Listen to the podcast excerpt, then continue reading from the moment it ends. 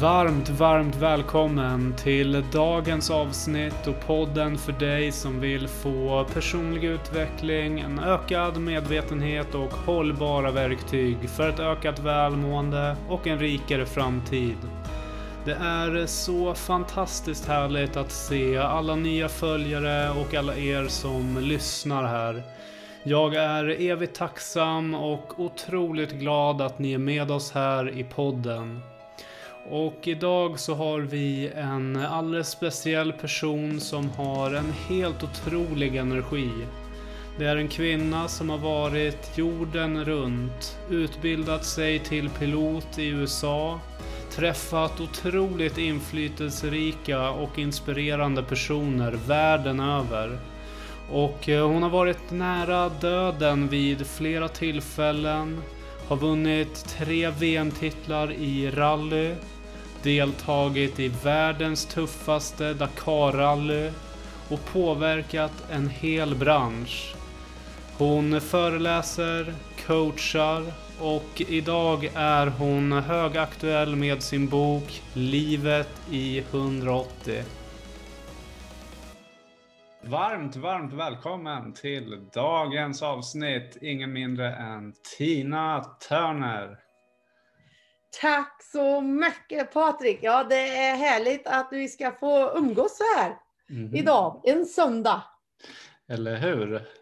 Alltså jag måste bara börja med att eh, säga att du har sån otroligt härlig energi. Jag kände det innan samtalet att eh, jag var tvungen att boosta upp min egen energi. eh, och precis innan här nu, eh, innan vi börjar avsnittet så kollade jag på ett en kort föreläsningsdel eh, med dig. Mm.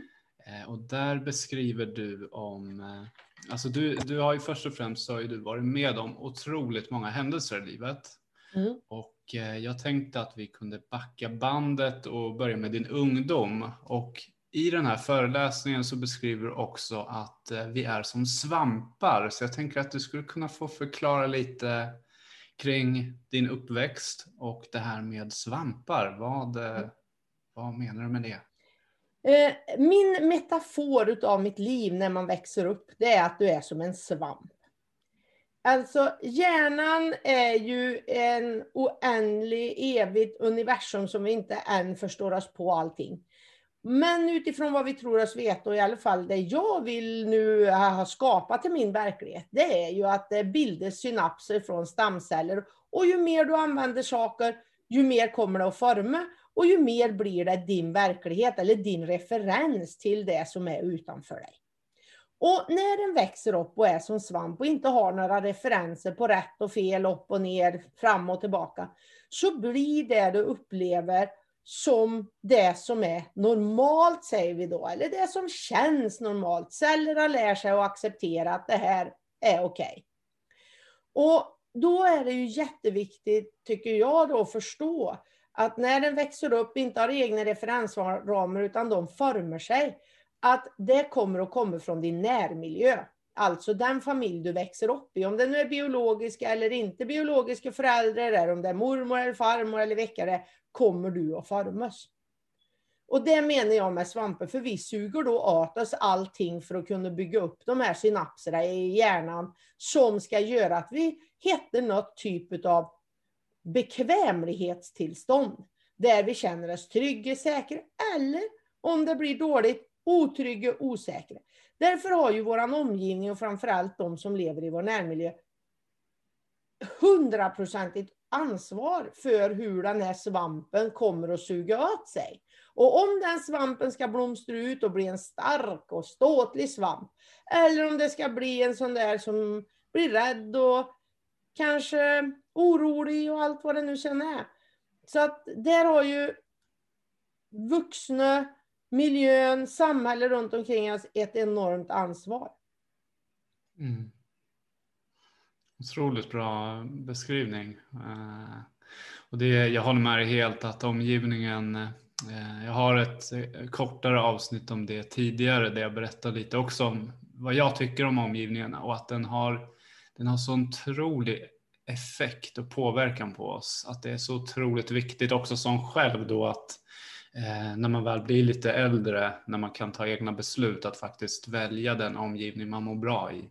Eh, och försöka liksom hitta personer som eh, har fantastisk energi som dig, att liksom lyssna mer på Tina, ta till Tina, kolla Tina, då får man bra energi. Ja, men jag tror också att det, det mindsetet som jag har, eller den energin, det är ju inte så att jag är någon krypton spider kvinna från någon annanstans och annan planet, utan jag består av samma celler och samma kopplingar som alla andra på den här planeten. Det är nog bara att jag väljer att få mina kopplingar som ska bli starkare och genomsyra min kommunikation utåt och min personlighet utåt. Det genomsyrar jag mig utifrån vad mina referensramar säger. Ja, men det här mår jag bra av och när jag beter mig så här så mår andra också bra. Ja, men då får jag dubbel cred för det. Mm. Som människa tillbaks till mina celler som ändå producerar mig. Och det, det, är bara ett mindset. Bestämmer en sig för det så går det ju att leva så precis lika lätt som det går att leva sur, grinig, tvär, allt är pust och stön och jobbigt. Mm. Mm. Verkligen. För att celler och kopplingar kommer att göra det som vi vill att de ska göra utifrån våra medvetna, eller med våra medvetna val och navigation. Då. Vi säger att kompassen ska dras åt något håll. Och låter jag då, naturligtvis har vi de här känslorna i kroppen, men det är ju, orkar jag säga nej till dem eller orkar jag inte säga nej till dem? Mm. De som inte ger växtkraft. Mm.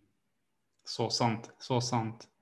Och nu när vi vet lite mer om så hur, hur vi funkar som svampar och människor. Ja. uh, hur, hur I min värld, det är mina metaforer nu. Ja, jag gillar det. Men hur var det då för dig då som eh, i din uppväxt? Hur växte du upp och hur formades du där liksom? Hur var du som, uh, som liten? Nej, men jag var ju precis som vilken annan liten som helst. Men jag hade ju en mix av Pippi Långstrump, Barna i Bullerbyn och Emil i Lönneberga, för vi bodde på en bondgård. Det var flera familjer.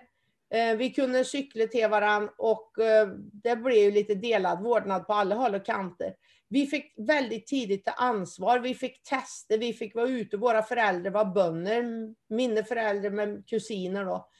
Eh, och, då, och så var farmor någonting utav hubben. Farmor satt och målade och dit visste vi, där kunde vi gå, där fanns det mat, där fanns det historier, där fanns det bus, där... Ja, farmor fanns ju alltid där. Men resten av tiden fick vi lära oss att ta ansvar för att göra saker tillsammans.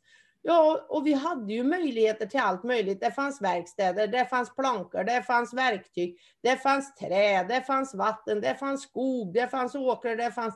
Alltså, allt som vi såg kunde vi ju testa. Det fanns skrotberg, det fanns gamla magasin. Vi kunde hitta på massa bustärer eller leka kurragömma. Alltså, allt som du då kunde se läroböcker eller sagoböcker, ja det kunde vi gå ut och prova. Um, och vi hade också en, ett bra föräldrar, liksom, ja ja, men de härjar på gården, så länge ni befinner sig här så är det ingen fara. Liksom. Och det är klart att då får ju jag kopplingar i min hjärna. Du får prova att skruva, måla, spika, hamra, skotta skit, städa, baka. Eh, ja, allt du kan tänka dig liksom som en gör på en bondgård. Det fick ju vi mm. lära oss väldigt tidigt, eller var en del utav. Hänga med på traktorn, plocka potatis, vara med och bära bevattningsrör, dra massa ogräs, vara ute och mäta. Alltså, och då får du ju en massa, massa, massa kopplingar. Mm, mm. Jag känner igen mig så mycket för jag växte också upp på en, eh, på en bondgård, en större gård. Och det var ju precis som du beskriver, alltså det fanns ju alla möjligheter om man var med och snickrade, om man var och hämtade halm och högg ved och höll på med djuren och var ute i skogen. Lakta gjorde du också. Vad då för något? Det lakta djur. Ah, ja, ja. Och då får en ju respekt för liv och, och då mm. beter en sig heller inte illa i deras korta livshistoria. Liksom. Och Mm. Det är ju någonting också som jag tror, när du bara köper maten får du aldrig förstå vart ifrån han kommer och, och att det är viktigt att de också under sin levnadstid får ett, ett bra liv. Och det var ju också någonting som du tog hand om på gården. Mm. Mm. Hönsen skulle ju matas och fixas och ha sitt hönshus och mm. ja, grisarna sitt och korna sitt liksom. Exakt. Det var viktigt att de också hade det bra. Men det är som du säger, man får ju en, eh, man får ju en helhetsbild och en förståelse för många olika delar när man växer upp på en gård. Och så. Ja, och sen döden tror jag också. Alltså att djur har inte samma livslängd. Vi vill inte att de ska lida när då kommer veterinärerna eller du ja, tar fram geväret liksom och mm. släpper dem från sitt lidande när det inte går att göra någonting. Det är också en relation som många heller inte får för att det är en del av cirkulation i ett fungerande system. Om man då ska ha ett näringssystem på det sättet och där ursprunget är, ur, ursprunget är från oss. Mm. Så att då får en ju också den förståelsen och respekten. Mm. Verkligen. Och eh, jag tänkte på, du, du beskriver ju själv här att du har ju fått otroligt många delar och kopplingar eh, redan som ung. Eh, är det, då är det ju det som liksom format dig här till att liksom vara så otroligt kreativ och tänkande och säkert modig också. Ehm, men vad var det som, när du var yngre, alltså vad hade du för drömmar då? Jag vet att du har ju haft lite olika drömmar och tankar där bastankarna var ju att bli pilot. Det var liksom inget annat. Och jag ville uppleva äventyr och jag ville se världen. De tre sakerna var det. det var, jag har aldrig drömt om någonting annat. Jag har drömt om att se världen, mm. äventyr, bli pilot. Mm. Fantastiskt ju. Och allt det här har du gjort. Ja. när, ja. när påbörjade du den här pilotresan då? Som 15-åring, eller jag började ju tidigare, pappa var intresserad av flyg och sådär, men jag började och spara pengar som 13-åring, fick eh, gå och köpa läsmaterialet som 16, äh, 15-åring och fick göra min uppflygning som 16-åring. Mm. Är inte det väldigt ungt, tänker jag? Eller jag, jag, är inte så insatt i pilotvärlden, liksom, men det låter ja, tidigt. Det var ju så på den tiden. Ah. Mm. Och då gjorde du det i USA av alla länder? Nej. Eh, segelflyget gjorde jag i, i Sverige på Nordby flygfält innan jag åkte till USA. Och sen så gick jag en flygskola fem dagar i veckan i USA där vi fick då prova att flyga light aircraft, eh, luftballong, drakflygning. Ja, allt egentligen som hade med, med, med flygning att göra. Mm. Superspännande ju. Vad är det bästa, vad är det bästa minnet du har? i världens största ballong-VM liksom. Alltså, jag tror det var 4-5 tusen ballonger på en och samma dag som skulle iväg i hel vecka. Och gud i himmel vad vi flög och grejer. Skulle och jaga nycklar på en stolpe, du vet uppe på toppen för att vinna en, en pickup truck. Wow. Ja, när en slåss med en 3-4 tusen ballonger då jädrar. Och sen så var det en militäranläggning där och det är ju där rymdfärjorna och så har landat. Så eh, då fick ju inte luftballonger åka in där. Åkte de in över militärområdet så plockas de ner direkt. Det var bara så. Det, du vet de som inte hade så mycket koll, det var i alla väderstreck. Liksom. Det låter superhärligt ju. Ja, det var färggrant i alla fall. Ja, spännande äventyr.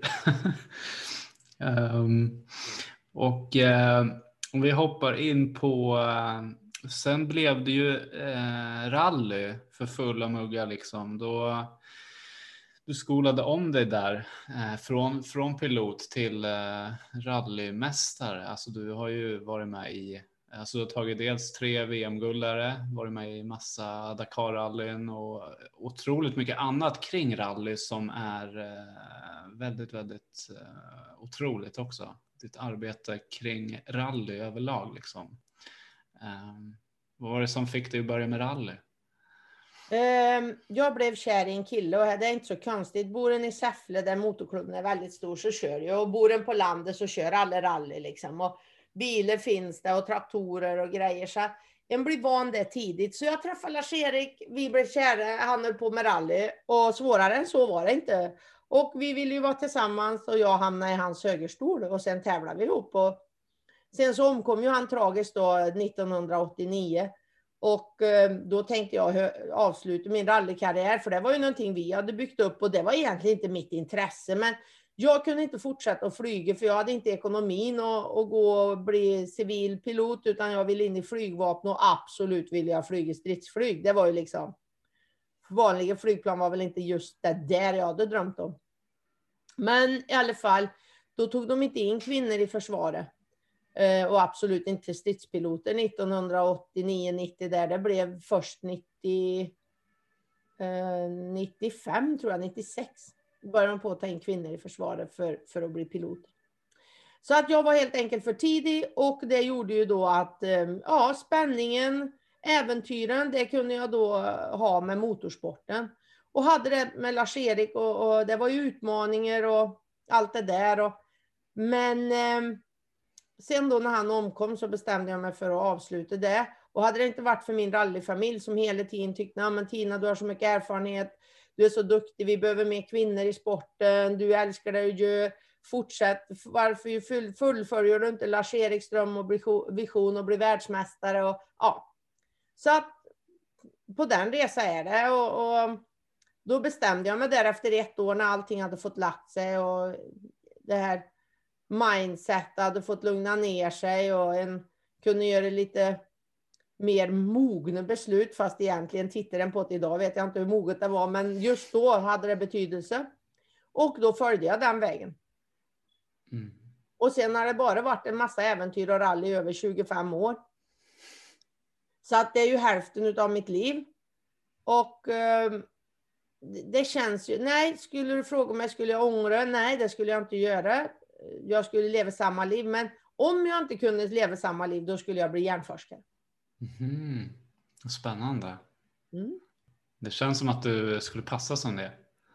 Ja, gud, du... jag är helt nörd på hjärnforskning. Ja, det känns som att du kan otroligt mycket redan.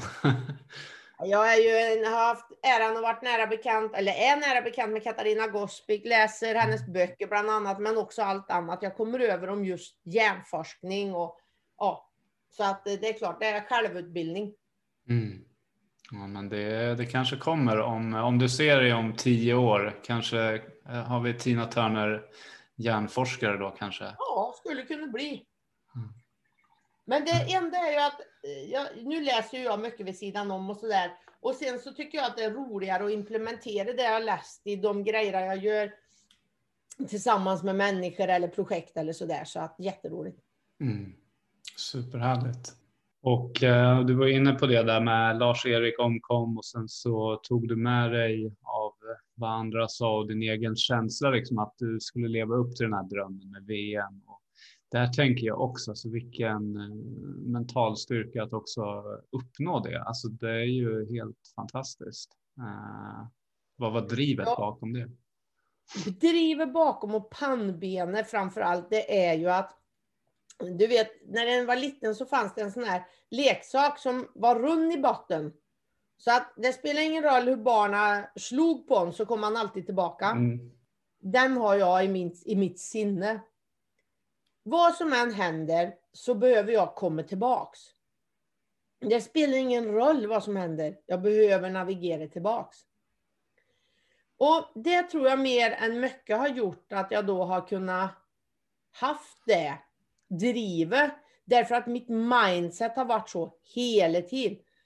Och jag vill inte slösa mina dagar i livet. Och när en då bor granne med Körgården, som vi gjorde när vi växte upp, så såg du ju alla begravningar och alla ledsamheter och sådär. Själv inser du att den som har gått bort kommer ju inte tillbaks till dig i jordelivet. Eh, sen kan inte jag prata om vad som är sen, det är ingenting jag, men just det som är verkligt för mig då. Så i och med det så gjorde det ju också att en bra metafor det är ju att gå till en kyrkogård, som jag brukar berätta också. Går den dit och tänker på hur länge de som står på gravstenarna har levt och hur länge de har varit döda. Och går den då tillbaks till de som dog på 1700-1800-talet så har de varit döda väldigt länge i jämförelse med de 30-40 år de levde. Det innebär att när den tittar på sitt eget liv, även om vårt liv har blivit längre, så kommer vi ändå vara döda väldigt länge. Och då måste en fråga sig, när kan en göra saker och när kan en inte göra saker? När kommer en att få en känsla och uppleva saker och när inte? Eftersom jag bara vet jordelivet, ja, då behöver jag satsa på jordelivet. Och allting annat blir en bonus sen, men om det nu skulle vara så. Men i min värld, eftersom jag då har varit nära döden tre gånger, så är det svart och du är borta. Och jag har inte varit någon annanstans. Okej, okay, de säger att du inte har varit så nära döden då, men det spelar ingen roll. Svart är det. Och då blir det ju reellt eftersom det är det du har upplevt. Det innebär att det är din egen referens som du har till döden då. Och sen så ser du dem som omkommer. Så att för mig så blir ju den här driften, drivet kommer ju utifrån reali realiseringen utav att en dag är jag borta och när ska jag göra saker? Och ska jag mm. då slösa dem på att tycka synd om mig själv, sätta på mig offerkofta? Nej, livet kommer aldrig att vara en räkmacka. Sen finns det ju några som kan uppleva det så, det är ju de förunnat liksom. Men vår, den där alla myror i myrstacken som lever på jorden just nu, vi har utmaningar oavsett vad. Mm. Och i våran del av världen har vi mycket mindre än de barn som jag coachar och hjälper och stöttar med barnhem i Bangi och den plattformen jag håller på för världens barn för utbildning. Nej, de har jäkligt krassa liv. Och på barnhem har vi varit med om två inbördeskrig. Alltså, vilken dag skulle jag kunna känna att jag inte mår bra när jag har det som referens? Mm. Otroligt, otroligt vist. Du, eh, man märker att du har otroligt mycket visdom i dig. Alltså. Jag vet inte. Ja, när en har kommit och blivit 55 år så får en ju mer visdom.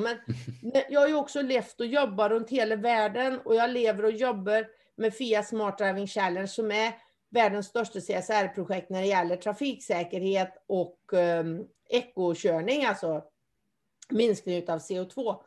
Och då pratar du med länder från världens alla hörn. Och du har kontakter där. Så att det gör ju att du är väldigt mycket i människors vardag från världens alla hörn i det projekt och det jobb jag har idag. Mm. Det gör ju också att du får ju matad med det här. Mm. Och naturligtvis så är ju svampen då som påverkas. Mm.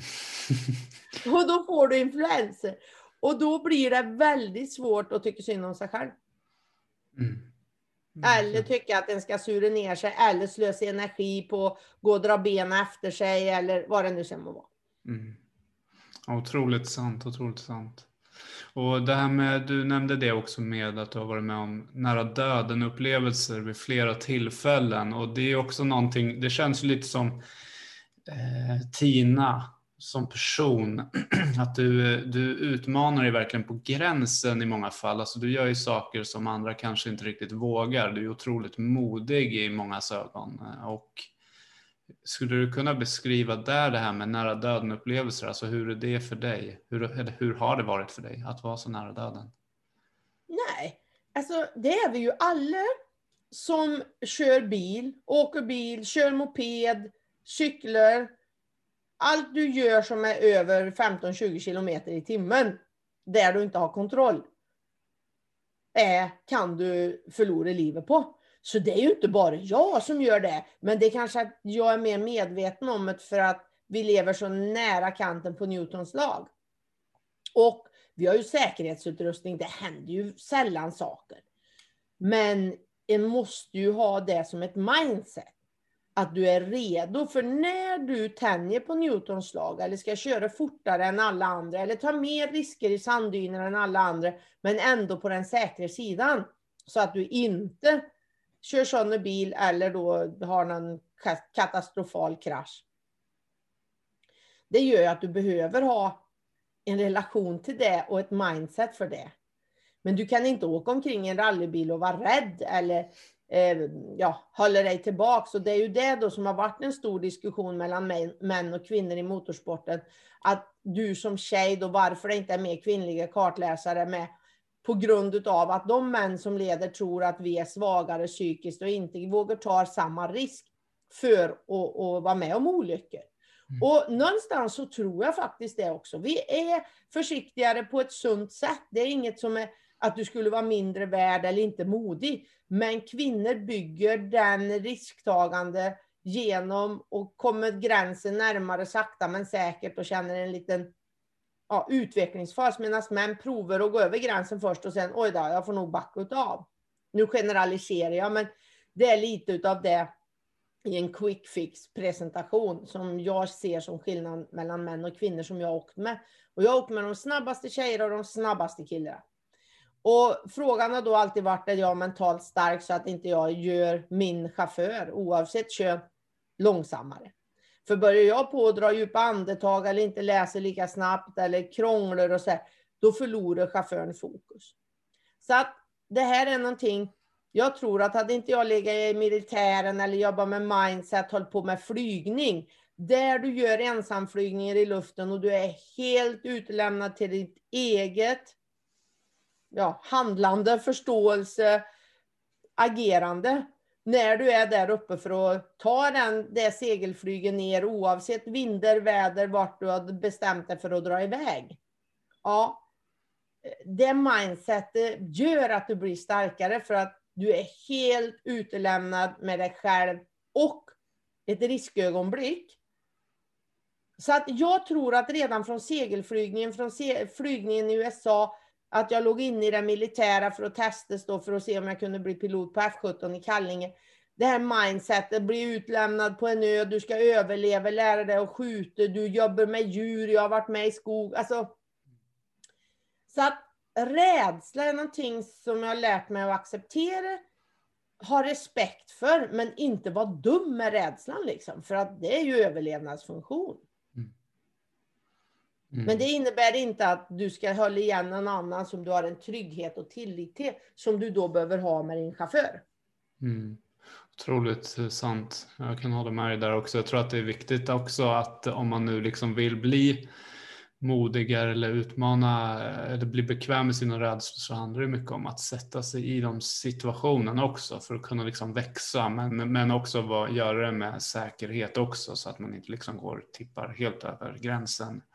Um, och jag tänker också på, du har ju en väldigt känd olycka som hände när du höll på att drunkna också. Det är ju någonting som, som Eh, jag, min största rädsla, eller jag är lite olika, men en av dem är just att alltså, om jag skulle dö på ett sätt som, som skulle vara det värsta, då är det att drunkna för mig. Skulle du kunna beskriva liksom från liksom hur, hur kom det sig att ni liksom hamnade i vattnet och vad var det som hände i, i vattnet och hur klarade du dig? Alltså, vi åkte på en rallyväg, kommer över ett krön, åker på slicks vi har inte, alltså vägen är glashal. Och vi försöker att hålla kvar bil på vägen. Det går inte. Och så åker vi över kanten. Och där var det 50 meter ner till vattnet. Och vi åker ut för kanten och vi ser ju att det här kommer ju inte att bli bra liksom. Vi kommer att landa med bil i vattnet. Men det är det du tänker. Vi hinner inte, jag hinner bara säga vatten och sen landa. Vi rullar ju utför och sen så landar bil på taket. Och i och med att bakrutan var ute på den här Opel GSI då fylls ju den jättesnabbt med vatten för du har ju tyngden då från motorn liksom som gör att han tvärsjunker som en sten och ett stort tal som tar in vatten. Eh, det gjorde ju att vi fastnade på 5,5-6 meters djup för att det var så här, lika brant som det var uppe var det ju nerför under vattnet. Så där eh, stannade bil och eh, ja, då var dörrarna gick inte öppna, rutorna var kvar. Och, och till slut så har du ju heller ingen luft kvar. Liksom. Men det är igen då det här lugnet, tänk efter, systemet vi har tränat på att komma ut, öppna bälte, gör det. Det är sånt som måste sätta i det undermedvetna precis som vi andas. För du kan inte tänka och du får inte gripas av panik. För grips du av panik, liksom, ja, då, då tror jag att jag inte hade kommit upp. Mm. Och så logiskt tänk, gå igenom systemet, hur kommer jag ut? Och sen så hette väger ut.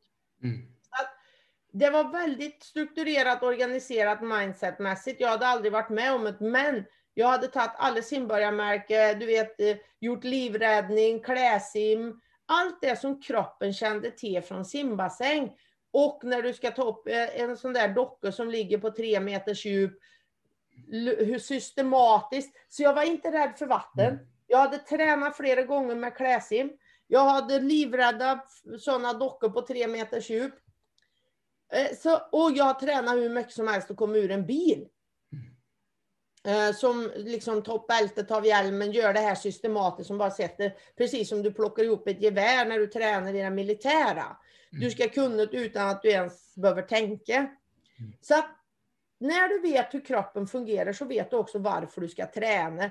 Och det är ju någonting som jag tycker idag, just det här med skolan, hur tror vi att vi ska lära oss bestående moment i kroppen om vi aldrig tränar? Om vi bara ska läsa det ett gång och, en gång och tro att vi kommer ihåg det, eller prova någonting en gång och tro att du är världsmästare. Nej, cellerna funkar så, inte så tyvärr. Det är ingen av den erfarenhet jag har. Mm. Och det gör ju då, ska du lära dig ett språk, då behöver du träna glosor. Mm. Ska du lära dig att cykla behöver du träna på att cykla. Mm. Alltså, Verkligen. och cellerna behöver lära sig. Ja. Eh, Och så har det varit i mitt liv. Så därför så greps jag aldrig av panik. Och när luften tog slut så började jag på att dra in vatten. Väldigt, väldigt lite. Men i alla fall, det gjorde ont, det var inte behagligt och jag, jag kan ju inte dricka vatten utan bubblor på ett helt år. Jag trodde jag skulle dö varje gång jag svarade vanligt vatten. Mm. Så det fick jag ju träna bort då. Annars hade jag än idag nog inte tränat. Men då är det ju bara att ta en liten sipp, en liten sipp, en liten sipp liksom. Och ett år senare så är det borta, men det tog ett helt år. Mm. Ja, men det är just det där som du är inne på. Jag tycker att det är också Eh, som, som jag själv, eh, eh, jag hoppade ju av gymnasiet när jag var, eh, vad var jag, 16, 17 där.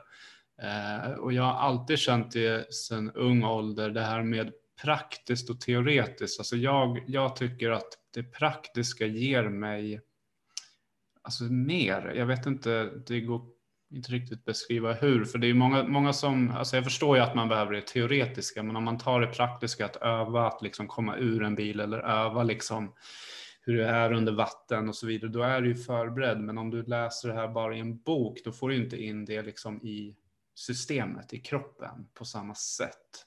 Nej. Um, det är någonting jag har tänkt på. Jag jobbar i någon skola också. Det är någonting jag har tänkt på att man, jag tycker man borde få in mer praktiskt i skolan. Håller du med där? Absolut. Jag är ju både, alltså, jag, jag tror ju, skulle inte cellerna få lära sig, och där har vi ju ett dilemma idag med digitaliseringen. Ungdomen gör för lite saker, kopplingarna blir för smala. Och nu har vi ju en request från Kina här med min, jag har ju gjort en plattform som bygger på entreprenörskap som ska kombinera, utveckla, trigga skaparandan. Och det som de ser i Kina nu, det är ju så tydligt. De letar ju med ljus och lykta system därför att de har bara gått i ett stuprör. Det gör att mer och mer elever får mindre och mindre kopplingar. Det blir mindre och mindre möjligheter att koppla nytt. Därför att du har tränat och de här rören är så tjocka så att det här utanför skapande ser möjligheter, ja, de är, och det säger de, vårt skolsystem har inte gynnat liksom. Vi har bara tränat för att alla ska kunna utan till.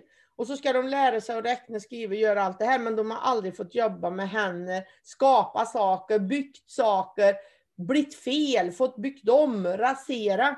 De har bara teoretiskt suttit, läst, titta och så tittar vi och så ritar vi eh, i, i, i datorn. Men de har aldrig fått gå ut till en verkstad och skapat.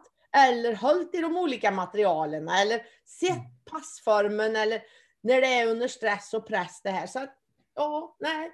Eh, Jag tror att den där quick fixen inte får göra det. Alltså, jag tror en kombination av båda. Det ska vara balans, men det ena kommer, alltså, då kommer vi att få robotliknande ungdomar som bara kommer att följa. Och det ser vi ju idag. Alla som går på samma utbildning får ju samma tänk. Mm.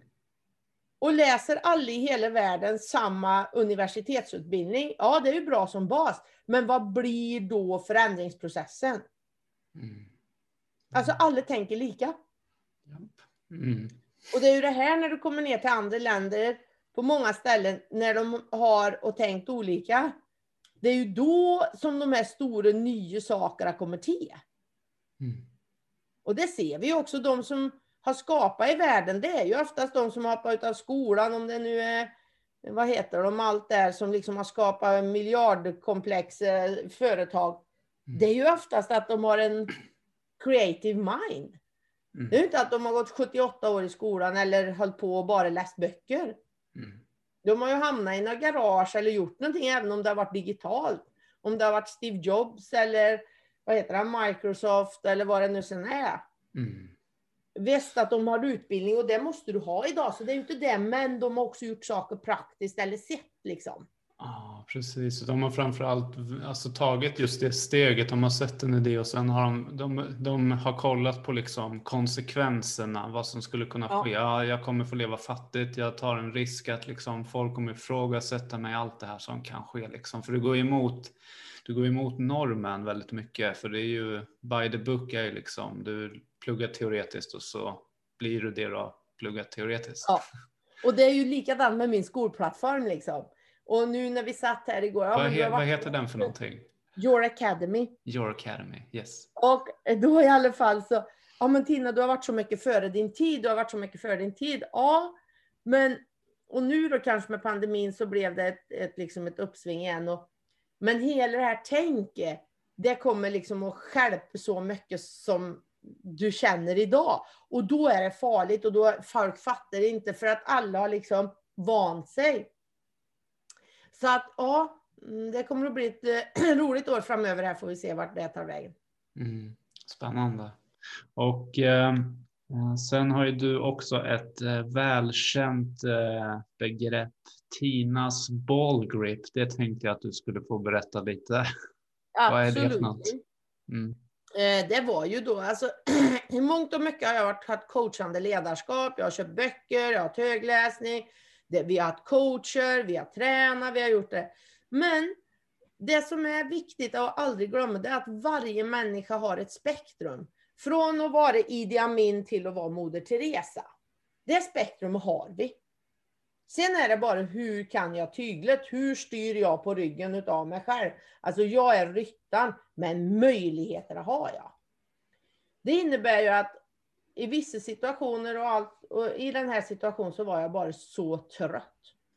Och jag var sliten. Och jag bara, jag visste han höll på att utmana och han ville, ja du vet så här. Och hela tiden hade det varit och gnällt Och, och till slut så bara. Då säger jag, nu kommer jag att bli fysisk. Om du inte förstår och väntar tills vi har åkt färdigt tävlingen. Och då smilar han så där, du vet som det kan bli liksom. Ja, vad skulle det då vara? Och jag bara suger ballra på honom och vrider om honom och lyfter 30 centimeter över golvet. Liksom. Och då har jag 80 killar som bara skriker släpp en, släpp en, han kommer aldrig kunna producera barn. Och, och det är det enda gången jag behövt gjort det, för sen vet alla och då sprider djungeltelegrafen sig mycket snabbare att hon har också en viss gräns där det går till ett stopp liksom. Och, och då blir du fysiskt, det är ju inget man behöver vara stolt över, men om jag säger i den här situationen så har det aldrig varit något problem efter det i alla fall. Mm klockrent ju. Men är det någonting också, för jag tänker på just som kvinna i motorsport, jag menar det är ju eh, mansdominerad eh, sport liksom. Vad är det, vad, vad är det mest utmanande i, i det liksom och vad är det som du har kommit vinnande i det? Det finns ju två världar jag, jag växte ju upp med fem, ja, en helbror, halvsyskon och, och kusiner som var killar. Och, så, och pappa gjorde aldrig någon skillnad på oss. Alla fick spela fotboll, alla spelade hockey, alla gjorde saker tillsammans. Så jag växte ju upp i en väldigt jämställd miljö. Så att jag har nog aldrig sett det där tjej-kille förrän det blev väldigt konkret att de då i motorsporten eller när jag sökte in som tjej till flygvapen och sådär aha, vad är skillnaden på vad jag har för någonting mellan benen? Alltså det för mig var så här, hur inkompetent och bara kommer på tanken liksom. Eh, om du sen inte klarar det, men alla ska ha chansen. Sen om du inte klarar det, om det nu är det ena eller andra det beror på. Det är för mig, o men just att det ska vara köns, alltså det var, så, det var så stölligt i min värld att människor kunde se och tänka så. Istället för att låta alla prover som hade kvalificerat sig. Och that's it liksom. Eh, så där har jag varit en väldigt, alltså motorsporten för mig. Jag har bara gått in där, jobbat utifrån den jag är, på de sätt jag velat. Ändå har det passat eller också har det inte passat. Eh, och har det inte passat, ja då har jag kämpat för att vara kvar, hitta vägar för att komma förbi. Men jag har aldrig gett upp liksom. För jag ville uppnå mina mål. Sen när jag sen bestämde mig här i mitten på ja, 2013, 14 här.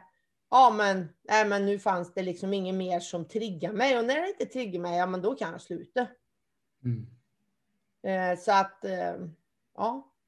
Dit hamn, där hamnade jag. Men, så att eh, jag tror inte att Nej, det, ja, det har varit utmaningen för att de som har jobbat med mig har växt upp i en miljö och varit svampar som har skapat sig en annan verklighet. Mm. Och det har ju varit i min värld då gammeldags. Jag började läsa till psykolog. Och jag gick på Dalarnas eh, universitet. Och eh, efter ett halvår så var jag bara så här, det var alldeles för många gamla grejer. Jag som då höll på, du vet, och läste om hjärnforskning, senaste utvecklingen, hela det här. Och så sopar vi runt där med Freud och kompani liksom. Och det skulle vara någon, någon norm. Och jag bara, nej, nej, nej, nej, det här går inte liksom. Nej, jag kan inte se det här, det här blir stöldigt. Och, och jag pratar om neurolingvistisk programmering utifrån våra nervsystem och våra reaktioner och formas och så här. Och vet de där lärarna bara, gud, jag tror de var lika tacksamma som mig att jag slutade. För jag ifrågasätter ju allting. Eh, så att eh, ja, det var en utmaning. Men i alla fall, så då insåg jag att nej, jag ska nog ut och fortsätta mina äventyr i världen. Mm. Mm. Ja, det är det som också är. Du har ju verkligen eh, du har ju inte bara kör, alltså varit kartläsare och varit med på stora rallyn och vunnit stora framgångar där, utan du har ju verkligen eh, gjort ett avtryck också i liksom att man kan vara kvinna och man och köra. Och skulle du kunna berätta lite kring, kring de händelserna, hur du har påverkat rallyvärlden? Absolut, jag tror just det här med acceptansen för kvinnor och att kvinnor kan åka med de snabbaste männen eller de snabbaste kvinnorna. Eh, absolut har jag bevisat det eh, sopa vägen för kommande. Det finns mer tjejer nu som gör det. Eh, och eh, eh i och med att jag har varit förare till exempel från Sydafrika, jag har varit eller Nasse från Qatar. Killar som inte haft framgång, killar som aldrig har stått på podiet och haft dem att vinna och stå på podiet. Liksom. Eh, då är det ju också så att i min värld så har ju jag då använt böcker eller ut, förkovra. Men det är ju att det sen har gjort en påverkan i deras respektive länder. För helt plötsligt har ju de här chaufförerna då blivit framgångsrika, blivit förebilder. Nelson Mandela var välsigna våran bil när vi åkte med Ginil de Villiers från Sydafrika. Qatar bestämde sig för att skicka tjejer, mm, öppna upp för tjejer och sport i, eller i Qatar. Mm, de bjöd in för första gången i historien kvinnor från världens alla hörn som de sponsrar till att bli förare och kartläsare. Alltså, eh, vi har gjort jättemånga förändringar och säkert har det också påverkat att kvinnor fick börja på att köra bil 2018 eller ta körkort i Saudiarabien. De såg vad som hände i Qatar, i UAE, eh, sport, tjejer, kvinnor, jämställdhet börja på. Till slut så går det ju liksom inte att stanna. Men det är ju en process i alla länder och i alla kulturer där de växte upp och blev svampar med en verklighet och sen så kommer det ett tryck från runt om i världen. Mm. Där vi, om vi tittar tillbaks på hur vi levde på 1700-talet och 1800-talet här, så var ju inte vi bättre. Vi mördade ju och alla skulle gå med hyckla och det var ju rangordningar, vart du kom ifrån, vilken familj du var född i och så vidare. Mm. Alltså, vi har ju haft det med oss. Det är ju bara att våran process börja tidigare.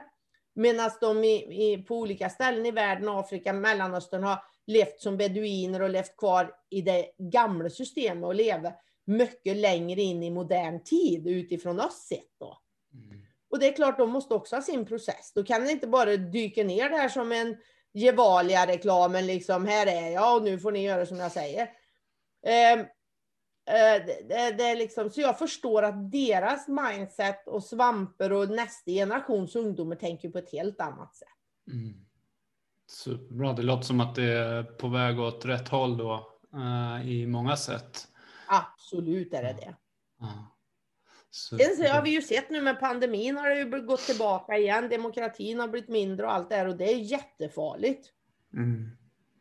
Ja, alltså det har ju verkligen gått åt det hållet och det är mycket högerextremister och så vidare som liksom växer fram. Och Jag vet inte, det, det känns lite skrämmande med hela den här delen och det var ju skönt med Donald Trump att han liksom på ett sätt fick avgå, men vilken jäkla grej det blev där också. Alltså det var inte bara att han gick av utan eh, det, det, det är ju det, det sjukaste. Absurd. Alltså, du tror att det är en science fiction-film. Liksom. Jag tror att människor har sett för film under pandemin. Alltså mm. så att de bara tror att alltså, det är en lek, livet på något vis. Jag vet inte, men ja, nej, det, mm. det, vi behöver verkligen gå tillbaka och få i oss svampinfluenser som gör att vi har det högre syfte för att kunna skapa en bättre framtid. Mm. För, och världsmedborgarskap, det är ju jag den första som pratar om. Liksom. Mm. Jag håller med dig. Hur ser du på framtiden då? Vad, vad händer om eh, just med, inom, om man kollar liksom i stora hela, jättestor fråga kanske, men om vi säger... Om, ja, om, det var det Jag bara kände att jag måste fråga den. Vad, vad, vad ser du om tio år typ? Ja, jag tycker att eh, även, alltså, digitaliseringen kommer ju att göra den, den svängen med nya uppkopplingar, nät, möjligheter, allt det här. Det kommer att påverka absolut. Ehm, sen tror jag att vi måste ha restriktioner där, för annars är ju vi människor från Idi Amin till Moder Teresa och eftersom ekonomi och grid, den är så stor hos människor och den kommer vi aldrig att kunna liksom få balans på. Det gör ju att företag, precis hur vi äter, hur vi lever, mm, alltså medicin, de som håller på med farma vill ju att vi ska äta och knapra i oss piller för allting. Eh, de som håller på att leverera, leverera mat vill ju att vi ska äta 14 gånger om dagen helst, så vi konsumerar jättemycket. Alltså, det är sådana krafter som påverkar det här. Mm. Eh, som inte vi kanske är medvetna om, men vi gör reklam så alla ska stoppa i sig mer istället för att säga wow, wow, wow. Nu har vi en regering som egentligen vill ta ansvar för vår hälsa. Ja, sänk då intäkt, alltså input ger output. Och då får vi göra så här. Eller nej, medicinindustrin, vi ska ha bort så mycket medicin som möjligt. Vi ska leva så sunt som möjligt. Ja, men då skulle ju inte de här alla arbetstillfällen och allt. Så att, vi har gjort ett sånt, sånt system som inte direkt gynnar oss. Sen så håller vi oss levande längre på grund av att vi har många mediciner och piller. Och det finns ju de jag känner som har en 17 piller liksom varje morgon för att hålla sig själv igång. Eh, så att, ja. Men ehm, så att tio år framåt i tiden, ja. Jag tror eh, att vi kommer att se många bra saker, men också skrämmande saker. Eh, och hoppas att ledarskap i världen håller fast vid demokrati och ett sunt tänk för inte bara en generation utan att de tar in också lite indiantänk för fem generationer framåt i tiden när vi tar beslut. Och det ser vi ju i motorvärlden, till exempel med elbilar och allt det här. Och det var ju någon som frågade mig, skulle du åka rally i en elbil? Och jag sa nej, utifrån det jag känner till när du krockar runt ett träd i 180 kilometer med batterier och allting. Nej, jag skulle inte vilja vara kartläsare i en elbil på rallyvägar. Men på bana ser jag inga problem med det. det. Du har inga träd, du åker inte ut för stup, du landar inte liksom. Eh, ja, där skulle det gå, men jag tror att vi behöver andra alternativ till drivmedel med för rallybilar till exempel. Mm. Så att, ja, allting. Mm. Jag tror inte det kommer att bli ändra eller, utan vi kommer nog att få mer mm. små variationer tror jag i framtiden. Och mm. beroende på vart vi bor, hur vi lever, vart vi är, kommer det vara mer anpassat. Det låter ju som en bra framtid. Hoppas att ja, det blir det, så. Ja, den är vi med och skapar. Ju mer som vi skapar en sån, ju, ju, ju troligare är det ju att han blir mm. sån. Mm, exakt. Och eh, så tänker jag också på, för du, du har ju ett otroligt driv för ungdomar och barn. Um, ja. Du har inte själv eh, några barn, men du har ju rest över världen med syskonbarn och du, du har sett otroligt mycket.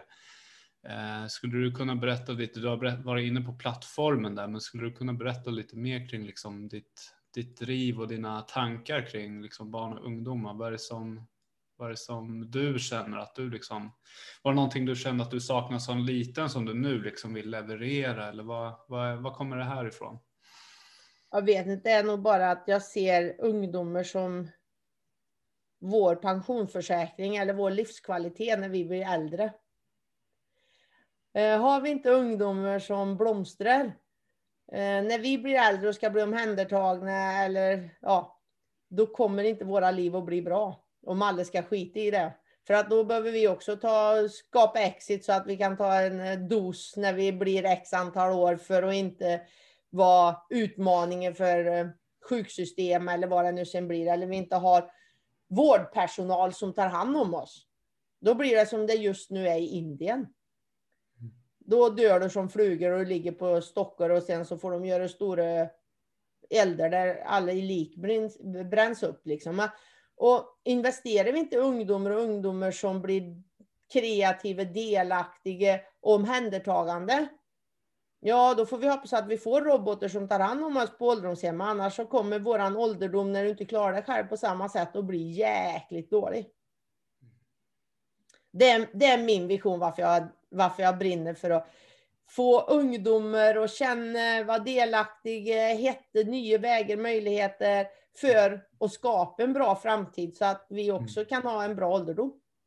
Otroligt, otroligt sant. Och där måste man ju också tänka om man, om man tar hundra år eller tusen år framåt. Men de här ungdomarna kommer också bli äldre och de behöver också ungdomar och de behöver ungdomar. Så det gäller ju verkligen så här behålla det här. Ja, det gäller tänket. för oss att, att, skapa ungdomar som känner delaktighet och känner ansvar för helheten och sig själv och sin omgivning. Sådana barn behöver vi. Vi mm. behöver inte egotrippade narcissister liksom. Vi behöver inte de här, utan vi behöver sådana som kan hitta lösningar på utmaningarna på ett bra sätt, men med högre tänk och framförallt en ansvarskänsla för det högre syftet. Mm. Har du något eh, bra tips på hur man får mer av det? Rätt över det så skulle jag vilja ändra skolsystemet. Mm. Ah.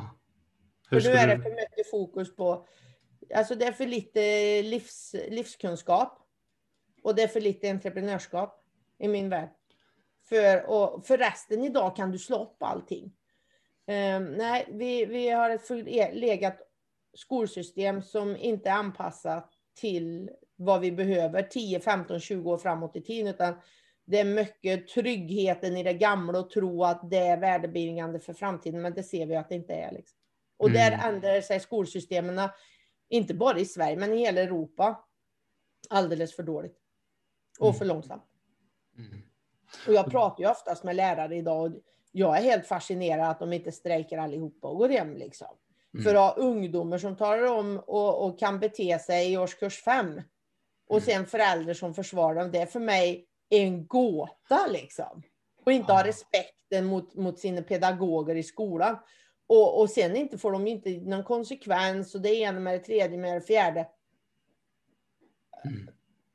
Jag, jag, alltså det är ju en sån arbetsplats jag kan inte förstå hur, hur arbetsmiljön överhuvudtaget och orden. Jag vet inte vilken arbetsplats där du blir kallad fette, kukjävel, jag ska knulla dig. Alltså, mm. Vilken arbetsplats skulle acceptera det? Nej. Och det kommer från minderåriga. Mm. Och det ska pedagoger få stå ut med idag. Mm.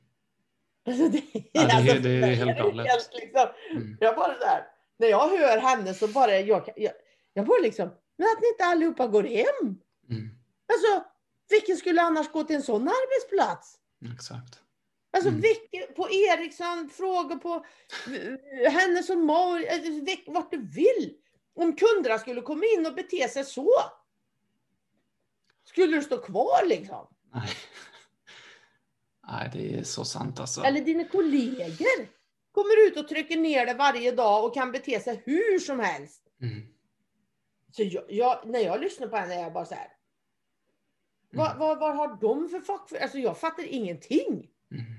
Liksom, de måste ju spela in arbetsmiljöer och sen så ifrågasätta. Och, och funkar inte det, nej, men då, då måste föräldrar in och vara med i skolan. Liksom. Mm. Ända tills det löser sig. Eller också får föräldrar utbilda sina egna barn.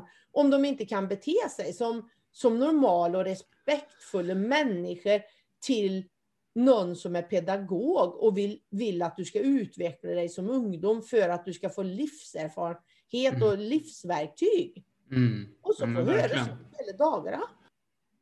Mm. Nej, det är galet. Det är galet att de får, får, får bete sig så. Jag bara så här. ja, det, är det för mig är verkligen the big, the big, the big thing. Ja. Hur ja. det kunde hamna där Så att jag är ju nästan nyfiken på, skulle jag få tid över skulle jag verkligen vilja göra en, en, em, en, ett forsknings... Alltså hur, hur den arbetsmiljön är och hur det kan ha hamnat där. Nu vet ju inte jag, nu har jag inte så många lärare bekanta jag känner, men alla berättar ju samma sak. Ja. Men i den här plattformen så har ju du också, det är ju eh, som jag har förstått det mycket delad kunskap som du Ja. jobbar med, eller som ni jobbar med. Och det är elever som ska lära elever, du ska jobba med projekt, det är ämnesövergripande, det är mer kollaboration, du delar med dig, du ska kunna inkludera läromedel från världens alla hörn, du ska kunna ge lär, eller dina egna kunskaper, kollaborera med klasser och elever från världens alla hörn eh, och göra utbildningen på riktigt liksom. Eller precis det vi sa, matten med sin vardagsekonomi, familjens vardagsekonomi, kolla det, vara med och delaktig, räkna, se vad man har kvar liksom före det.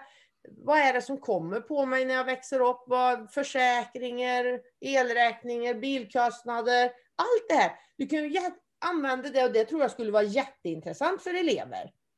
Eller med engelskan, ha utbyte med andra och lära sig ett språk.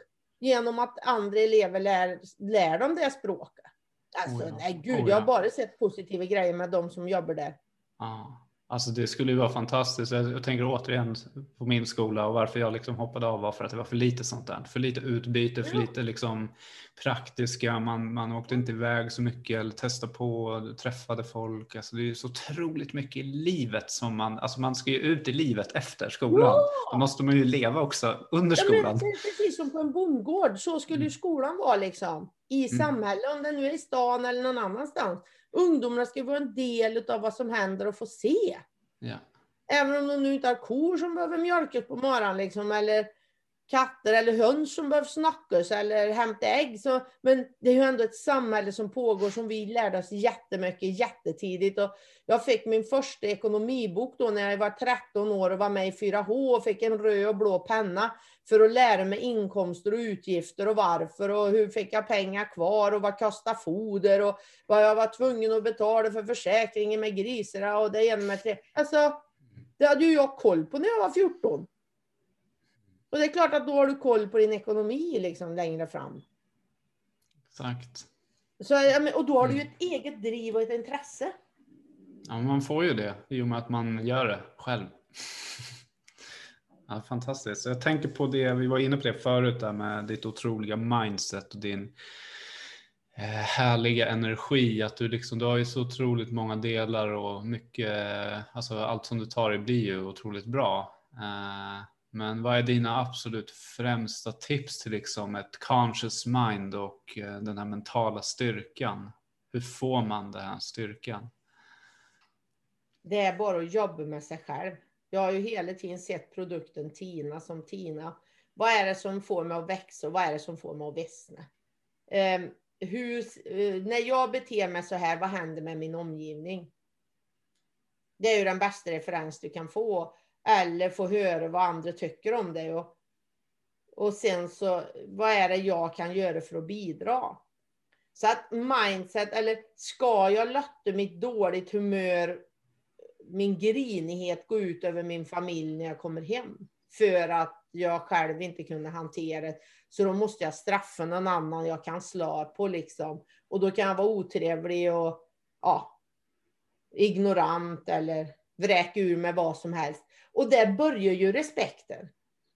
Alltså, beter du dig så hemma. Jag, jag, alltså, jag vet inte att någon av mina syskonbarn har någonsin använt ordet kärringjävel ja, liksom så här till sina föräldrar någonsin. Nu har jag, är ju inte jag med dem varje dag, men jag har aldrig hört det, även när de har varit sura och griniga och så här. Så att, men jag vet, jag hade ju... Den, den, det barnet som hade sagt så till någon som ser till att de får en, en bra vardag eller ett bra liv. Den hade ju jag sett mig ner och pratat med. Nu vet ju mina syskonbarn, då när de har varit med mig och det har hänt saker, då sätter jag mig ju direkt ner. Vad var känslan? Vad var tanken? Berätt för mig. Varför kom handen ut? Varför ville du slå din syster? Ja, då kan jag sätta mig dem 15 minuter. Och sen då så frågar ju brorsan efter några år, jag tror eh, Fredrik var inte så gammal. Och då säger de, men varför bråkar ni aldrig när ni är med Tina? Varför bråkar ni jämt hemma? Men hon säger att ni aldrig bråkar när ni är med henne. Nej pappa, vet du vad? Då tar hon fram det där med hjärnan och alla känslor och hennes ekvation. Nej, då är det bättre att bara göra som hon säger.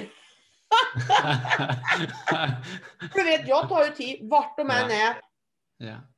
För berätta, förklara. Tycker de att det är okej? Okay? Fick det dem att växa? Fick det den de packar på att växa? Var det här någonting som man kan känna sig stolt över? Mm. Gör du det här regelbundet varje gång? Mm. Jag har haft med mig de här barnen över hela världen. De har aldrig bråkat, vi har aldrig varit ovänner. Det har aldrig blivit någon meningsskiljaktigheter. Ja, de tycker, men då är jag fram med papper och penna. Okej, okay, det här är plus, det här är minus, så här har vi tänkt, varför är det så här? Men visst, det tar ju tid. Men när det har gått ett tag så är det ju ett, ett, precis ett mindset, eller den här svampen funkar på det sättet också. Mm. Och då blir det trevligare för alla. Mm. Alltså och det märker ju barn också. Verkligen. Och det är ju som du säger det här med uthållighet, att faktiskt göra det, liksom, göra det varje gång så kommer det liksom nötas in också. Man får förståelse. Eh, man får respekt också för att du tar tid. Alltså de förstår ju att du tar ju tid och sätter dig ner istället för att du själv liksom skriker jävla ungjävel eller mot, eh, alltså går emot samma, samma mynt. Ja, det skulle jag aldrig göra. Mm. Fantastiskt. Um, och sen har ju du också alldeles nyligen. Alltså du, det är därför du, också du just nu är med i så mycket mediekanaler och du, eh, alla vill ha tag i dig. Du har ju precis lanserat en fantastisk bok, uh, Livet i 180. Uh, är det, det är din första bok? Nej, det är det faktiskt inte. Mm. Den första boken jag skrev var tillsammans med Lasse Erfgard och det var en barnbok för att jag ville att barn redan 2006 skulle få jobba med datorer och böcker i en kollaboration så att den skulle vara interaktiv. Och saker och ting i den boken är gjorda för att bygga teamkänsla, bygga sig själv, bygga sin omgivning och så. Det var 2006. Sen 2011 skrev Bilsportsförlagen en bok om min motorsportkarriär kan du säga, fram till Let's Dance. Och då var det 20 år. Så att det var intervjuer med mina chaufförer, inte alla, men många, de som har gjort vart och sådär.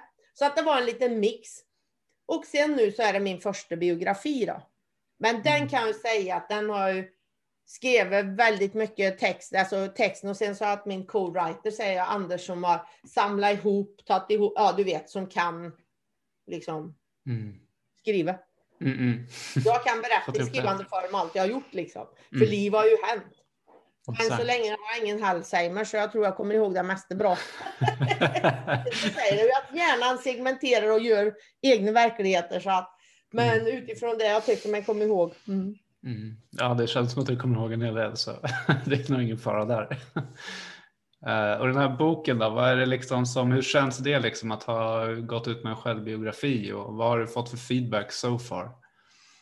So far kan, tror jag aldrig att någon kan få bättre feedback. Det känns som jag har växt 10 centimeter. Jag har bara fått eloge. Um, igår fick jag ett meddelande, stod jag vill inte sluta. Jag läste boken, men jag ville inte att den skulle ta slut. Så då köpte jag ljudboken.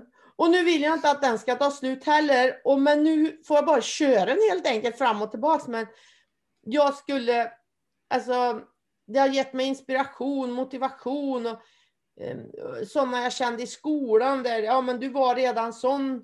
Eh, vi tjejer kände oss när vi var med dig, var vi trygga. Du tog liksom, såg till, du hade skinn på näsan redan då. Du läxade upp killarna liksom som inte betedde sig. Det var ordning och reda vi tjejer, det var ingen som var retad i din närhet och sådär. Så att, ja, jag vet inte, jag har nog haft det med mig, men bara positivt. Alltså så fint, så fantastiskt, så helt otroligt. Så att, eh, gud vad tacksam jag är att jag skrev boken. Mm. Eh, och sen en, en, fråga som du kanske är lite, så här, lite småtrött på kanske, du har säkert hört det förut. Men det finns ju en till Tina Turner, sångerskan. Ja. Um, Och jag tänkte på där, alltså hur, hur vanligt är det att det liksom förknippas med ditt namn eller förväxlas med ditt namn? Och... Jo, men det har det ju varit i början framför allt och när jag var i, i tyskspråkiga delar. Eh, sen så eh, bäst sångerska och så här, det är ju när du bokar eller du säger namn och så. När, du, när de ser det skrivet så blir det ju inte så. Mm.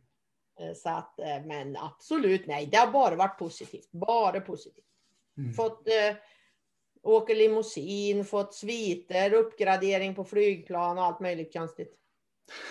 Bara bra. Superpositivt ju. Kommer före i kön, får vilken plats jag vill när jag bokar bord och så. Mm. Fantastiskt, men det är inte bara för Tina Turner tänker jag. Det är, det är Tina Turner också liksom. så det blir så här dubbel effekt. Swedish version. Ja. Ja, Jag tänkte på, eh, för när, när du tackade ja och tog dig tid att eh, vara med mig här och med lyssnarna så började jag lyssna lite på Tina Turner och tänkte den här låten, eh, ska bara se här. Jag tänker, när jag hör den här låten så tänker jag på dig extremt mycket. Ska vi se.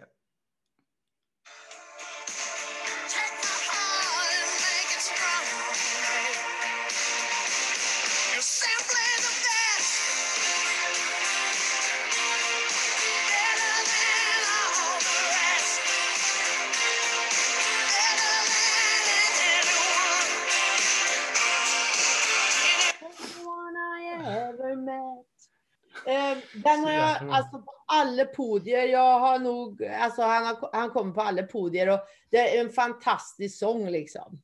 Och eh, ja, nej, det, det passar mig. Det var bra Patrik, det har du rätt sång. Alltså det är du. Ja, det, är, jag. så Hon har jävla gjort den sången för mig. Nej, men, eh, men det, liksom, hon är ju också en powertjej. Hon har gått igenom sin livsresa otroligt. Hänger i fortfarande. Hon tänkte faktiskt ta exit om hon inte hade fått en ny njure.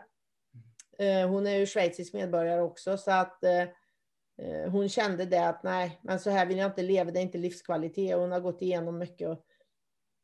Men så fick hon ju en ny njure nu då, så att ja, Mm.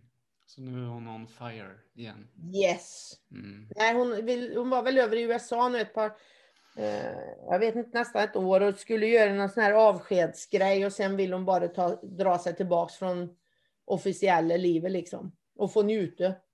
Mm. Det är ju så när du är som henne och överallt och folk vill och så här. Och någonstans måste jag ju få respektera att du vill också åldras och kunna njuta, bara vara.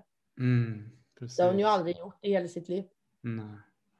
Känner du igen det där också? Att du, för du har ju också gjort otroligt mycket. Är det någonting du liksom ser fram emot? Att du ska börja landa lite eller kommer du liksom fortsätta kämpa med alla olika projekt? Ja, ja, och så? det gör jag. Det är ju det som triggar mig. Men just det här, jag tror för henne och med barn och skilsmässor och misshandel och droger och allt möjligt konstigt. Och folk som, jag menar det blir ju hysteri. När jag kommer så är det någon som är trevlig och hälsar. Det är ju inte så att jag har 30 000 eller 3 000 utanför dörrar. Eller folk åker förbi eller spanar eller håller på att ta kort på mig. Alltså, det tror jag är något extremt. Det har ju inte jag i någonting sånt. Så att, nej.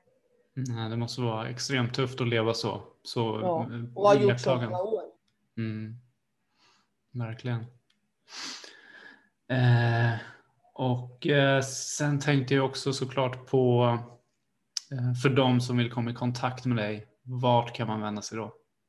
Alla sociala medier är öppna. tinatorner.se, tinatorner.com, tinatorner.de, tyskt, svenskt, internationellt, engelskt. Alltså, jag har en hemsida, det är bara att skriva. Det är, allt är öppet, inget någonting. Mm. Klockrent. Och Tina Turner TH, eller hur? Ja. Turner. Mm. Tina Torner, T-H-O-R-N-E-R. Mm. Yes, underbart. Eh, Men eh, då får jag bara säga stort, stort tack för både din tid och din medverkan och alla dina kloka ord och lycka till med allting. Alltså fantastisk människa. Stort tack. Tusen, tusen tack Patrik och jag är så stolt att få vara med dig och dina lyssnare här i podden. Det är ära för mig. Ja. Underbart. Du Patrik, jag tackar och önskar dig en fortsatt bra dag. Tack och detsamma.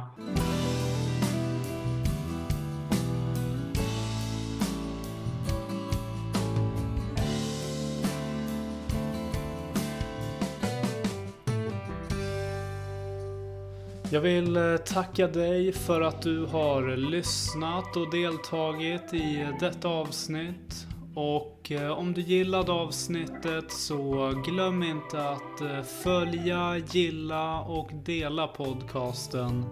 För att också bidra med att göra den synlig för andra.